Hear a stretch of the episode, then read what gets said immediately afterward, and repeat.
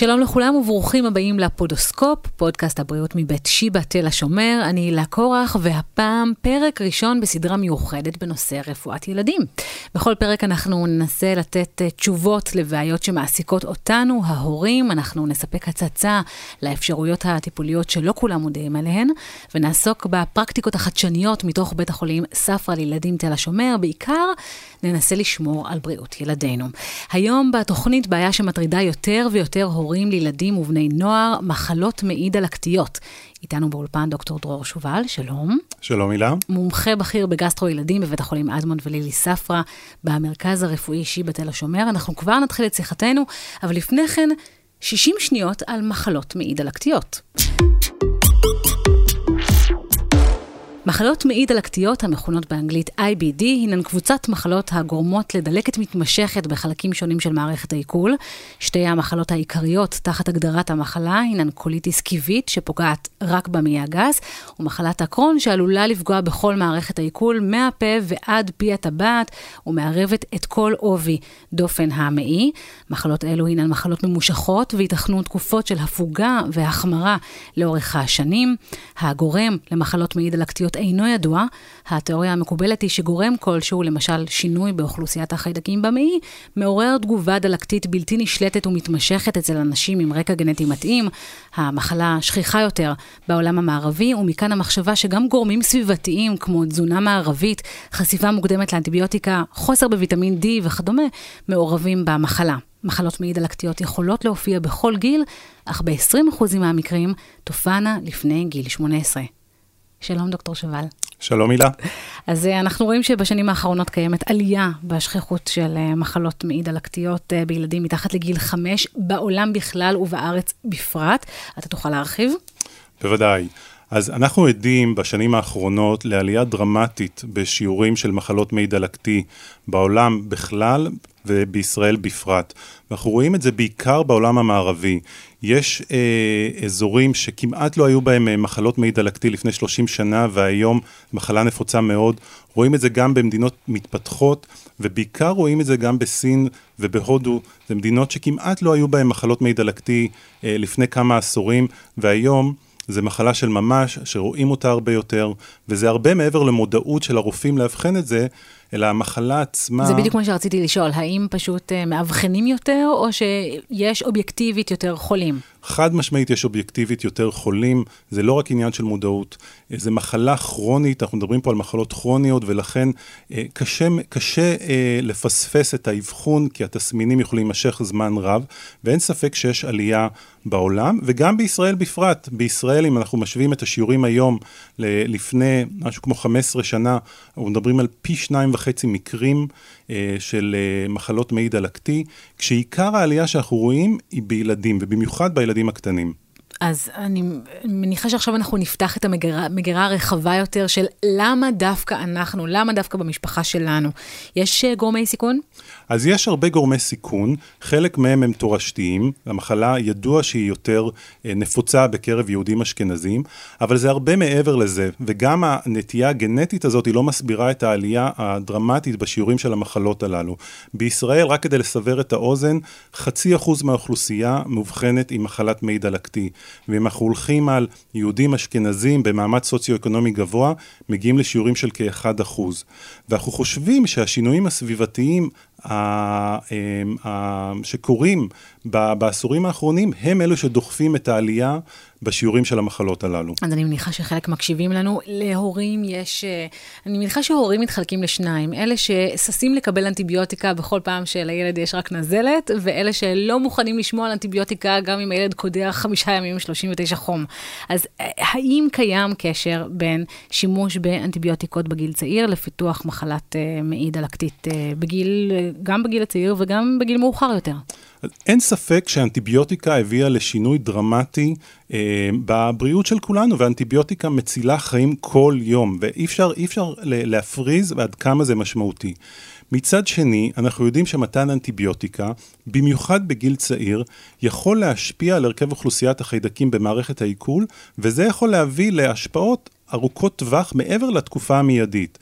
יש עבודות, בעיקר בחיות מעבדה, שהראו שאם הן נחשפות לאנטיביוטיקה בגיל מאוד מאוד צעיר, זה משפיע על איך מערכת החיסון בתוך מערכת העיכול מתפתחת עם הזמן, ואז יש להם יותר נטייה לפתח דלקות כאלה בעתיד.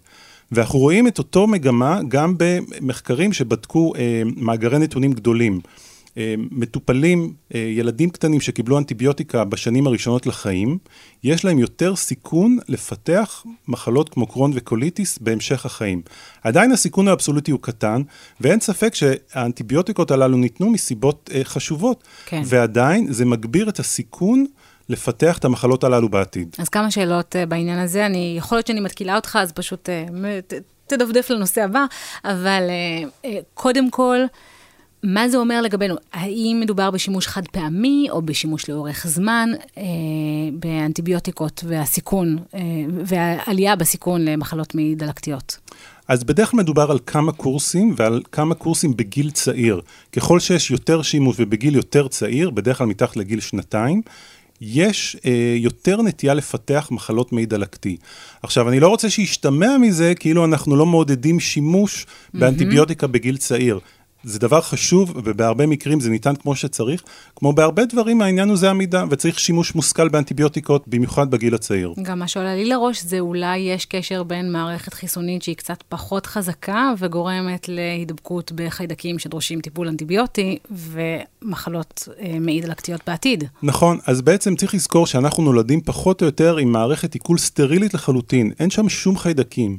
ובשלושת או שלושת או ארבעת השנים הראשונות לחיים, יש בעצם עיצוב של אה, החיידקים בתוך מערכת העיכול. החיידקים הללו הם החברים שלנו, ולא רק שהם תורמים לבריאות או לשגשוג של הרירית במעי, הם בעצם גם משפיעים על איך מערכת החיסון אה, מתפתחת בתוך מערכת העיכול. ולכן כל דבר יכול להשפיע על הדברים הללו, אפילו שינוי של תזונה יכול להשפיע. בטח אנטיביוטיקה. נניח יש לילד דלקת ריאות, אז האנטיביוטיקה שניתנת, היא ניתנת כנגד החיידקים בריאות. אבל זה לא, היא לא פועלת במקום אה, מוגדר רק בריאות, יש לה אפקטים בכל הגוף, ואנחנו יודעים שהיא משפיעה גם על אוכלוסיית החיידקים במי, אותה אוכלוסייה של חיידקים טובים, ובעצם כך, ברגע שאנחנו פוגעים באוכלוסייה הזאת, אנחנו מפנים את המקום לחיידקים שהם פחות ידידותיים, וגם יכולים להשפיע בצורה פחות טובה על, על אה, מערכת החיסון. אני איבדתי ריכוז אחרי החיידקים הם חברים, אני חייבת להגיד לך. החיידקים הם החברים לחיים. שלנו, כן. אנחנו צריכים לטפח אותם. אז מה אתה אומר באמת על מתן, נגיד, פרוביוטיקה, שזה גם טרנד הולך ו- וגדל, האם יש לזה בכלל משמעות? אני קצת יותר סקפטי בנקודה הזאת, mm-hmm. וצריך מאוד להיזהר. אמ, זה נורא תלוי איזה פרוביוטיקה לוקחים, ובאיזה תכשיר, וזה בכלל אם זה חיידקים מתים או חיים, ובאיזה אינדיקציה זה ניתן. על פניו, אני לא ממליץ לתת פרוביוטיקה בלי סיבה מוגדרת. יש מעט מאוד מצבים שבאמת פרוביוטיקה הוכחה כמועילה, יש אנשים ספציפיים שזה עוזר ואנשים אחרים שזה לא עוזר, וצריך באמת להיוועץ עם הרופא על מנת לקבוע אם באמת יש בכך צורך. אני חושבת שדיברנו מספיק על אנטיביוטיקות, בואו נדבר קצת על הבחנה.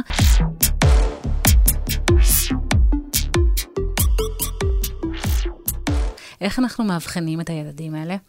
אז קודם כל, בדרך כלל אנחנו מדברים על תסמינים אופייניים. אנחנו מדברים על כאבי בטן, שלשולים, לעתים השלשולים הם עם דם. בילדים, אחד הפקטורים הכי חשובים שמכוונים אותנו להבחנה זה האטה בגדילה או עצירת גדילה. אה, כלומר, ילד שלא משגשג, שלא גדל. אה, זהו, גם עניין הזמן, לא ציינת את עניין הזמן, כי שלשולים, אתה מדבר איתנו, אנחנו מדברים בחודש יולי, וואלה, כל המיונים מפוצצים בילדים נכון. שמשלשלים, לא כולם אה, חולים במחלות מעי דלקתיות. בוודאי, זו הערה מצוינת, ואנחנו מדברים על דברים שהם יותר כרוניים, שנמשכים בדרך כלל מעל שבועיים-שלושה, ואין שום מגמה של נסיגה. אה, אנחנו מדברים מעבר לזה לפעמים על תסמינים שהם בכלל לא קשורים למערכת העיכול, כמו חום, פריחות מוזרות, אה, בעיות במפרקים. כל הדברים הללו יכולים לכוון לאיזשהי תהליך דלקתי במערכת העיכול. עכשיו, גם כשאנחנו מדברים על תהליך דלקתי במערכת העיכול, שיש חשד, mm-hmm. יש עדיין הבחנה מבדלת רחבה, כלומר, אנחנו צריכים לחשוב על דברים אחרים שהם הרבה יותר שכיחים. עדיין זיהומים הם הרבה יותר שכיחים מהמחלות מעי דלקתי.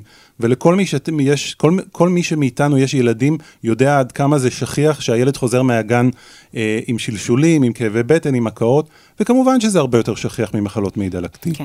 אבל ברגע שזה נמשך לאורך זמן, אה, וברגע שאנחנו כבר נכנסים לסט של בדיקות למנסות להעריך אם יש איזושהי בעיה, כלומר, אם אנחנו עושים בדיקות צואה ולא מצליחים לאתר איזושהי בעיה זיהומית, או אנחנו עושים בדיקות דם ואנחנו רואים שהילד יש לו אנמיה, כלומר יש לו רמה נמוכה של כדוריות דם אדומות, או יש לו אה, רמה גבוהה של כל מיני מדדי דלקת כמו שקיעת דם, או רמה נמוכה של חלבון, זה מכוון להבחנה. עדיין, גם במקרה הזה אנחנו צריכים לחשוב על דברים אחרים, כמו צליאק, כמו אלרגיות למזונות, ועדיין, אם אנחנו לא מצליחים לשלול או לאבחן מחלה אחרת, ברוב המקרים אנחנו מגיעים בעצם להערכה אנדוסקופית. אה, מה, מה הכלים הטיפוליים שיש לילדים עם מחלות מעי דלקתיות, ואולי, אה, יאללה, תרים גם לשיבא, מה מייחד אתכם בטיפול? אז קודם כל, אנחנו חייבים להיות בטוחים בהבחנה. לפני שאנחנו בכלל ניגשים לטיפול, אנחנו עושים בדרך כלל הערכה אנדוסקופית, שזה אומר גסטרוסקופיה וקולונוסקופיה, עם לקיחת ביופסיות, כי אנחנו רוצים להיות בטוחים שזו ההבחנה שאנחנו מטפלים בה. הדמיה לא מספיקה. הדמיה בדרך כלל זה שלב שהוא נלווה, בין אם מדובר באולטרסאונד, אה, בדיקת CT, למרות שאנחנו מהססים להשתמש בבדיקה הזאת בגלל כמות הקרינה, mm-hmm. אנחנו מעדיפים בדיקת MRI מיוחדת שנקראת MRE אה, לילדים שיכולים לעמוד בבדיקה הזאת, ויש לנו עוד כל מיני אמצעים הדמייתיים שבדרך כלל תומכים בהבחנה, אה, ולפעמים אבל גם מבססים אותה. אבל ברגע ש... קיבלנו את ההבחנה ואנחנו בטוחים בהבחנה, זה הזמן לדבר, אה, לדבר על אה, טיפולים עם המשפחה. אין פה איזה נוסחה אחת שמתאימה לכולם. צריך לדבר עם המשפחה, להסביר לה על המחלה. הדבר הראשון שאני אומר למשפחות זה שזה לא סוף העולם. יש לנו היום טיפולים מצו... מצוינים לכל מטופל, בין אם הוא תינוק או ילד או מתבגר. לפעמים המשפחות מרגישות שחרב עליהם עולמם, וזה ממש לא ככה. המטרה שלהם, שלנו, וזו מטרה משותפת, היא שהילד ירגיש טוב, יחור, יחזור לתפקוד מלא, ושאולי המחלה הזאת תהיה שם ברקע, אבל היא בטח לא תשפיע על התפקוד היומיומי שלו. אפשר לחזות התפרצויות, התלקחויות של, ה, של המחלה? כן, אז אנחנו, כשאנחנו מתחילים טיפול, יש לנו כל מיני סוגים של טיפולים, יש לנו טיפולים תזונתיים שמבוססים על שינוי בתזונה שאנחנו נותנים לילדים, יש לנו טיפולים תרופתיים שניתנים דרך הפה או דרך הווריד, ויש לנו כאלה שניתנים בזריקה. עד לפני 20-30 שנה, כל מה שהיה חשוב מבחינת איך אנחנו עוקבים אחרי החולים על זה שהמטופל ירגיש טוב. אם המטופל ירגיש טוב, אז, אז היינו מרוצים. מבחן התוצאה. היום אנחנו הרבה יותר פרואקטיביים, כלומר אנחנו רוצים לתפוס את המטופל כשהוא מרגיש טוב, אבל שאיזשהו סמן שיכול לחזות התפרצות. מה זה אומר? לא מספיק לי שהמטופל מרגיש טוב ושבדיקות הדם שלו טובות, אני מחפש היום סמנים אובייקטיביים הרבה יותר מדויקים. לדוגמה, אחת הבדיקות שאנחנו משתמשים בה, משתמשים בה הרבה זה בדיקת צואה לקלפרוטקטין. קלפרוטקטין זה איזשהו חלבון שעולה במצבי דלקת של מערכת העיכול, ואנחנו לעיתים קרובות לוקחים אותו כשהמטופל מרגיש מצוין, כדי לראות אם באמת יש דלקת. Mm-hmm. אם הוא גבוה, צריך לחשוב מה עושים, צריך להעריך אם באמת יש דלקת, האם המטופל לוקח את הטיפול כמו שצריך, ויכול להיות שיש גם צורך להערכה אנדוסקופית. היום כשאנחנו מסתכלים על המטרות שלנו בטיפול, אני לא מספיק לי שהמטופל ירגיש טוב, שהוא יגדל כמו שצריך, שבדיקות הדם יהיו טובות. מבחינתי השאיפה שלי היום זה לעשות בשלב מסוים, או לשקול לעשות אנדוסקופיה חוזרת, ואני רוצה לראות שזה נראה תקין לחלוטין, כאילו לא ידעתי שהמטופל הזה בכלל הייתה לו היסטוריה של מחלת מעי דלקתי. זו המטרה היום של הטיפול. לפעמים זו מטרה שהיא קשה להצ... להשגה, אבל במקרים רבים אנחנו מצליחים להשיג אותה, במיוחד לאור הניטור הקפדני הזה של בדיקות במרפאה ובדיקות דם ובדיקות צואה, וכל המכלול הזה בעצם מאפשר לנו לטפל בחולים בצורה יותר טובה. מה זה באמת אה, ניטור קפדני? כל כמה זמן אתה פוגש את המטופלים שלך? אז זה מאוד תלוי, בהתחלה אני פוגש אותם אפילו כל שבוע, כל כמה שבועות, עד uh, אני מוודא שהחולה נכנס לרמיסיה, כלומר שכל התסמינים חולפים ושהוא מרגיש יותר טוב, ואז זה בדרך כלל, אנחנו מרווחים את התדירות מפגשים האלה לפעם בשישה שבועות, ובשלב מסוים, כשהחולה מרגיש טוב, זה נכנס לאיזושהי רוטינה של פעם בשלושה, ארבעה חודשים, זה לא מכביד יותר מדי, על, ה, על הילד עצמו. המטרה שלנו שהם יחזרו לתפקוד מלא, ויחזרו לבית ספר, ולא יפסידו בית ספר כמעט, ויצאו לטיולים, וייסעו לחו"ל, ויעבדו, ויתגייסו לצבא, אמנם כמתנדבים, ועדיין יעשו שירות אה, מלא, אם הם רוצים, ואחרי זה ימשיכו בעצם עם אורח חיים רגיל. זאת צריכה להיות המטרה שלנו היום, ואם לא, אנחנו לא מגיעים אליה, אנחנו צריכים להעריך מחדש. אז אולי באמת תספר על ההתמודדות. אה, מול אוכלוסייה מאוד הטרוגנית, זאת אומרת, אתה, יש לך ילדים יותר צעירים, ילדים שמסרבים לקבל תרופות, ילדים שאולי אה, קצת נרתעים באמת מהסביבה של בית החולים, איך, איך ניגשים לכל הילדים האלה? אז אחד הדברים שמייחדים את רפואת הילדים, במיוחד גסטרו-ילדים, זה ההטרוגניות באמת של החולים שיש לנו. יש לנו חולים מאוד קטנים שלא יודעים להתבטא, ומאוד קשה להם למקם כאב לדוגמה, mm-hmm. יש לנו מתבגרים שלא מוכנים לקחת תרופות, ויש לנו ילדים שלא בכלל מוכנים לקחת תרופות, או לא יכולים לקחת תרופות. וכמובן שאי אפשר לנתק את זה מההורים, שיש טיפוסים שונים של הורים. בסופו של דבר, גם אה, אה, הורה שמתקשה לקבל את זה, זה בא ממקום של דאגה, ואין ספק שאנחנו צריכים לשלב את ההורים בתהליך. עכשיו, אנחנו... עושה איתם תאום ציפיות, או... כן, מאוד חשוב בשיחות הראשונות לתת אינפורמציה, כי אם אנחנו לא ניתן אותה, הם ילכו לאינטרנט ולמאגרי מידע שונים, ויראו את כל מה שיש שם, ואז החשיפה היא לא מבוקרת, וזה יכול להיות כמובן מסוכן, כי בדרך כלל החשיפה הזאת היא למצבי קיצון.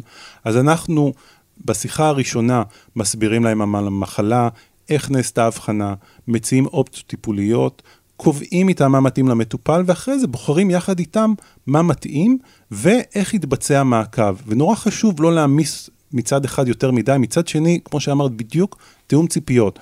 מבהירים בצורה ברורה שזו מחלה כרונית, mm-hmm. אבל כמו שגם אמרתי קודם, המטרה זה תפקוד מלא, חסרה לתפקוד מלא, שאומנם הקרון או הקוליטיס יהיו שם ברקע, אבל זה לא יפריע לתפקוד היומיומי. אז מגיע אליך ילד למרפאה, לפי מה אתה בוחר את הטיפול, לפי איך אתה מתאים את הטיפול לכל ילד וילד? יש המון מרכיבים. יש מרכיבים שקשורים למה הילד אוהב, נגיד מבחינת תזונה או לא, או שו, מה הוא מוכן לאכול ומה הוא לא מוכן לאכול. כי היום אנחנו משתמשים מאוד בכלים תזונתיים כדי לטפל במחלות מעי דלקתי. ואם אני רואה שמדובר לדוגמה בילד שהוא מאוד בררן, מאוד סלקטיבי בדברים שאני, שהוא אוכל, זה יכול להיות קשה. אה, מצד שני, יש ילדים ש... אה, לא פוחדים לקחת תרופות, או אפילו מעוניינים בטיפולים תרופתיים, מאשר אה, אה. לעשות שינוי תזונתי, זה יכול להיות מתאים להם. בילדים עם מחלה יותר קשה, אנחנו בדרך כלל מציעים תרופות ביולוגיות, שזה תרופות בעצם שמה שהן עושות, הן חוסמות חלבונים שונים שיש להם תפקיד חשוב בערעור התגובה הדלקתית. ואז התרופות האלה ניתנות בעירוי או בזריקה, כשגם זה היום פקטור.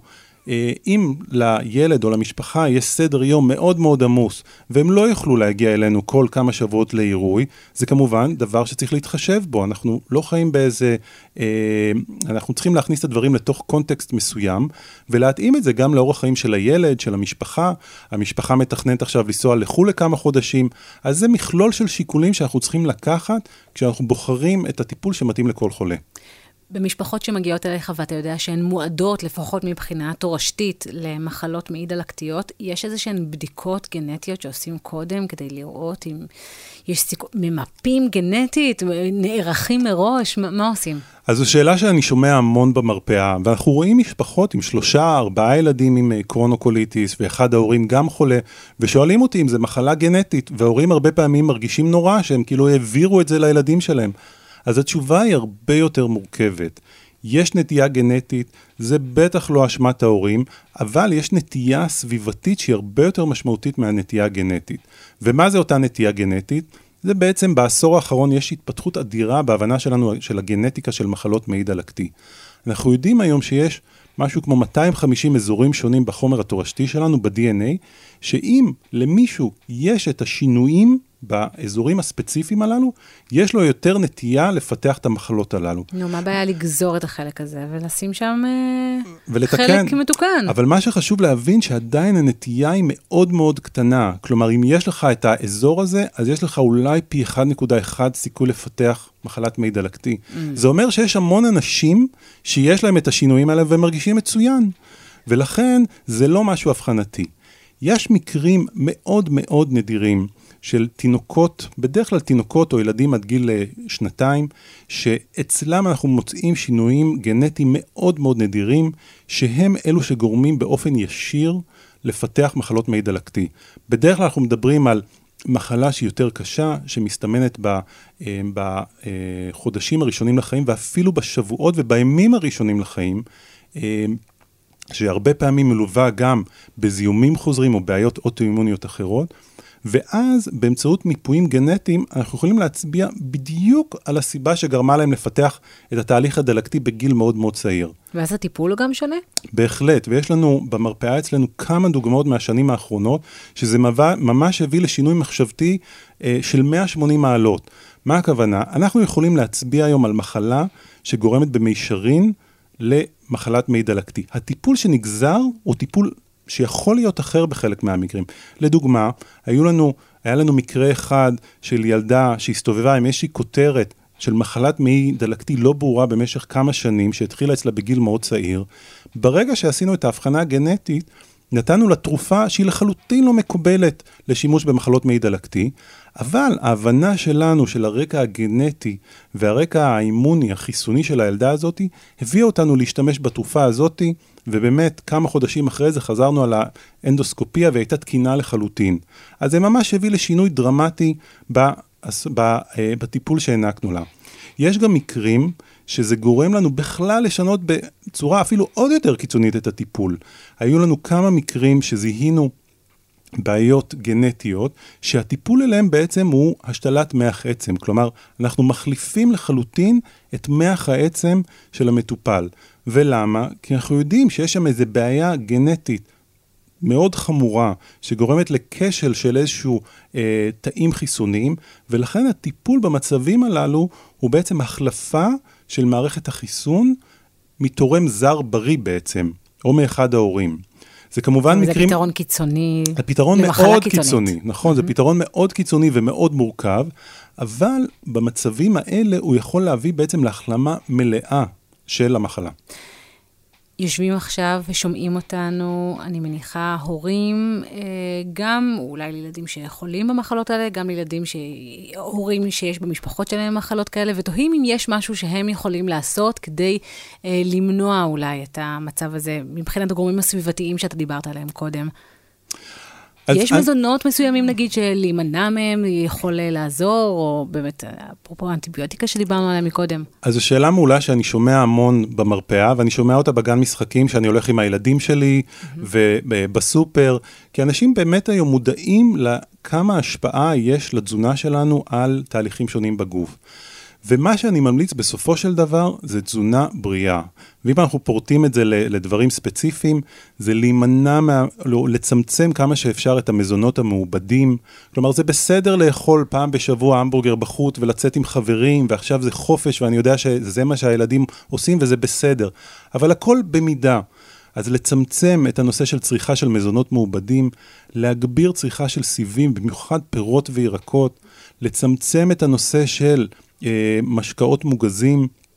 ואני חושב שהכלכלה, התזונה הבריאה הזאת, היא מאוד יכולה לעזור לילדים בהרבה היבטים, לא רק בהיבטים של מחלות מעי דלקתי, גם בהיבטים של השמנה, של סכרת ומחלות אוטואימוניות אחרות. יש אגב קשר בין מחלות מעי דלקתיות למחלות אחרות? אז לפעמים אנחנו רואים יותר מחלות אוטואימוניות אה, בילדים הללו. אה, אנחנו מאוד ערים לדברים הללו, ובעצם זה חלק מהמעקב השגרתי. כי לפעמים הדברים האלה עולים עוד לפני שהילד מרגיש את התסמינים הספציפיים.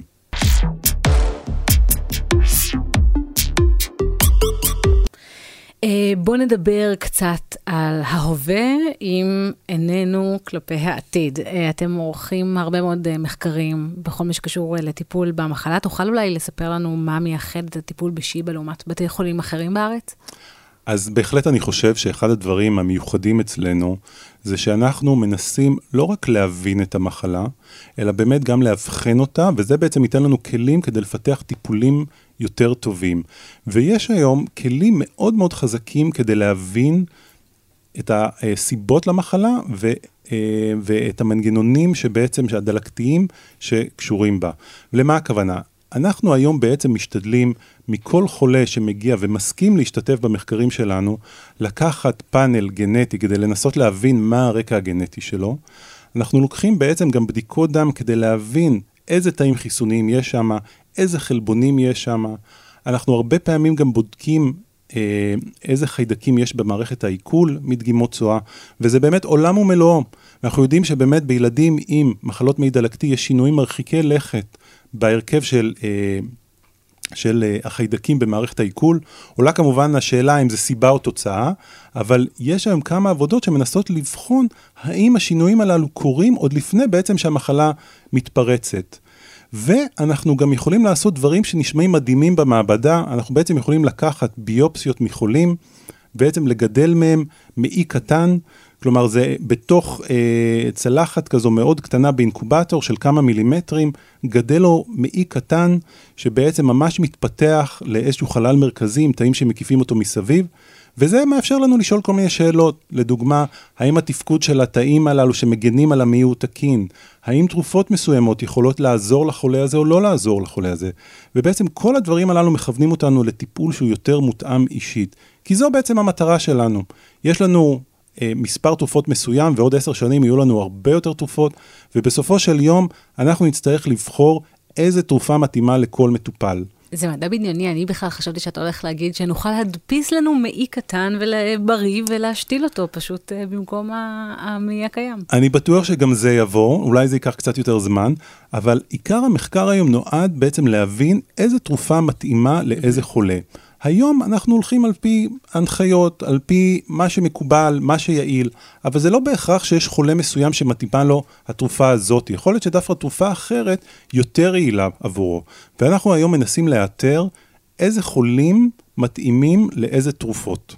דוקטור שובל, אתה גסטרואנטרולוג, אנחנו מדברים משהו כמו חצי שעה ועדיין לא אמרת את צמד המילים השתלת צואה. כן, השתלת צואה זה משהו ש... אני, אני נופלת מה, מהשוק. אני. חיכיתי לשאלה הזאת, ואפילו לא תיאמנו את זה מראש. אה, השתלת צואה זה אחד הכלים הטיפוליים שיש בנו. זה נגזר מהשינויים שיש לנו בהרכב החיידקים במערכת העיכול. וזה בעצם העבודות הראשונות על השתלות צואה היו בכלל אה, במזרח הרחוק לפני אלפי שנים. אה, וזה התפתח עם השנים באמת שם ובמקומות אחרים. זה תחום שהוא מאוד מאוד חזק בווטרינריה, ובאופן מפתיע בעשור האחרון הוא נכנס גם לתחום הרפואה, בעיקר בזיהומים ספציפיים של מערכת העיכול על ידי חיידק שנכנס, שנקרא קלוסטרידיום דיפיציל.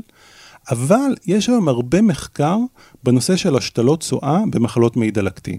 כי אם אמרתי קודם שיש שינויים בהרכב החיידקים, אז בואו נחליף את החיידקים mm-hmm. ונשפר את המחלה. אז יש היום לא מעט עבודות שבחנו את זה, בעיקר בקוליטיס קיבית. התוצאות הן קצת מאכזבות. כלומר, יש הצלחות, ההצלחות אבל בסופו של דבר הן באזור הבין 20-30 אחוז, זה דורש מתן מתמשך של, אה, של צואה. הרבה פעמים כשאנחנו מדברים על ילדים, אז הילדים כמובן נגאלים מזה, זהו, וזה נשמע איום ונורא. זהו, איך אתה מתווך את זה לילד? איך מתווכים את הדבר הזה בכלל? זה, זה באמת, הרבה מזה זה, זה בראש, אבל יש לנו כל מיני דרכים. מצד שני, פתאום מסכימים בחפץ לב לקחת כל תרופה אחרת שתציע להם. בדיוק. אבל יש כל מיני דרכים לתת את זה. אז כמובן אפשר לתת את זה בקולונוסקופיה, שזה משהו שאפשר לעשות פעם אחת, כי אנחנו לא עושים לילדים האלה כל שבוע. ברור. אפשר לתת את זה דרך הטוסיק במה שנקרא חוקן, אבל גם זה פחות נעים. אבל היום בעצם מה שאנחנו יודעים זה שאפשר לתת את זה גם בקפסולות. יש מספר מעבדות שבעצם לוקחות את הדגימה, אה, מפיקות מה שצריך ממנה, שמות את זה בקפסולות כאלה שהם חסרי אה, טעם וריח, ואז המטופל אמור לבדוק את זה. בניסויים הראשונים שבדקו את זה, אפילו השוו את הקפסולות הללו לקפסולות אחרות עם קקאו, כי זה היה מחקר אה, אה, כפול סמיות, כדי שהמטופל לא ידע, ואז בעצם המטופלים לקחו את זה מול אה, קפסולות עם קקאו, וזה בעצם דרך שאפשר לתת את זה, שהמטופל לא מרגיש כלום, אבל כמובן שצריך לעבוד הרבה על הראש בקטע הזה, כדי שהוא יסכים לעשות את זה. דוקטור שובל, אני חושבת שזה היה מאוד גרפי. וראוי uh, לסיים את הפרק הזה. תודה רבה לך, היה מרתק. תודה, הילה. סיימנו להיום. שובו אלינו לפרק הבא של הפודוסקופ. Música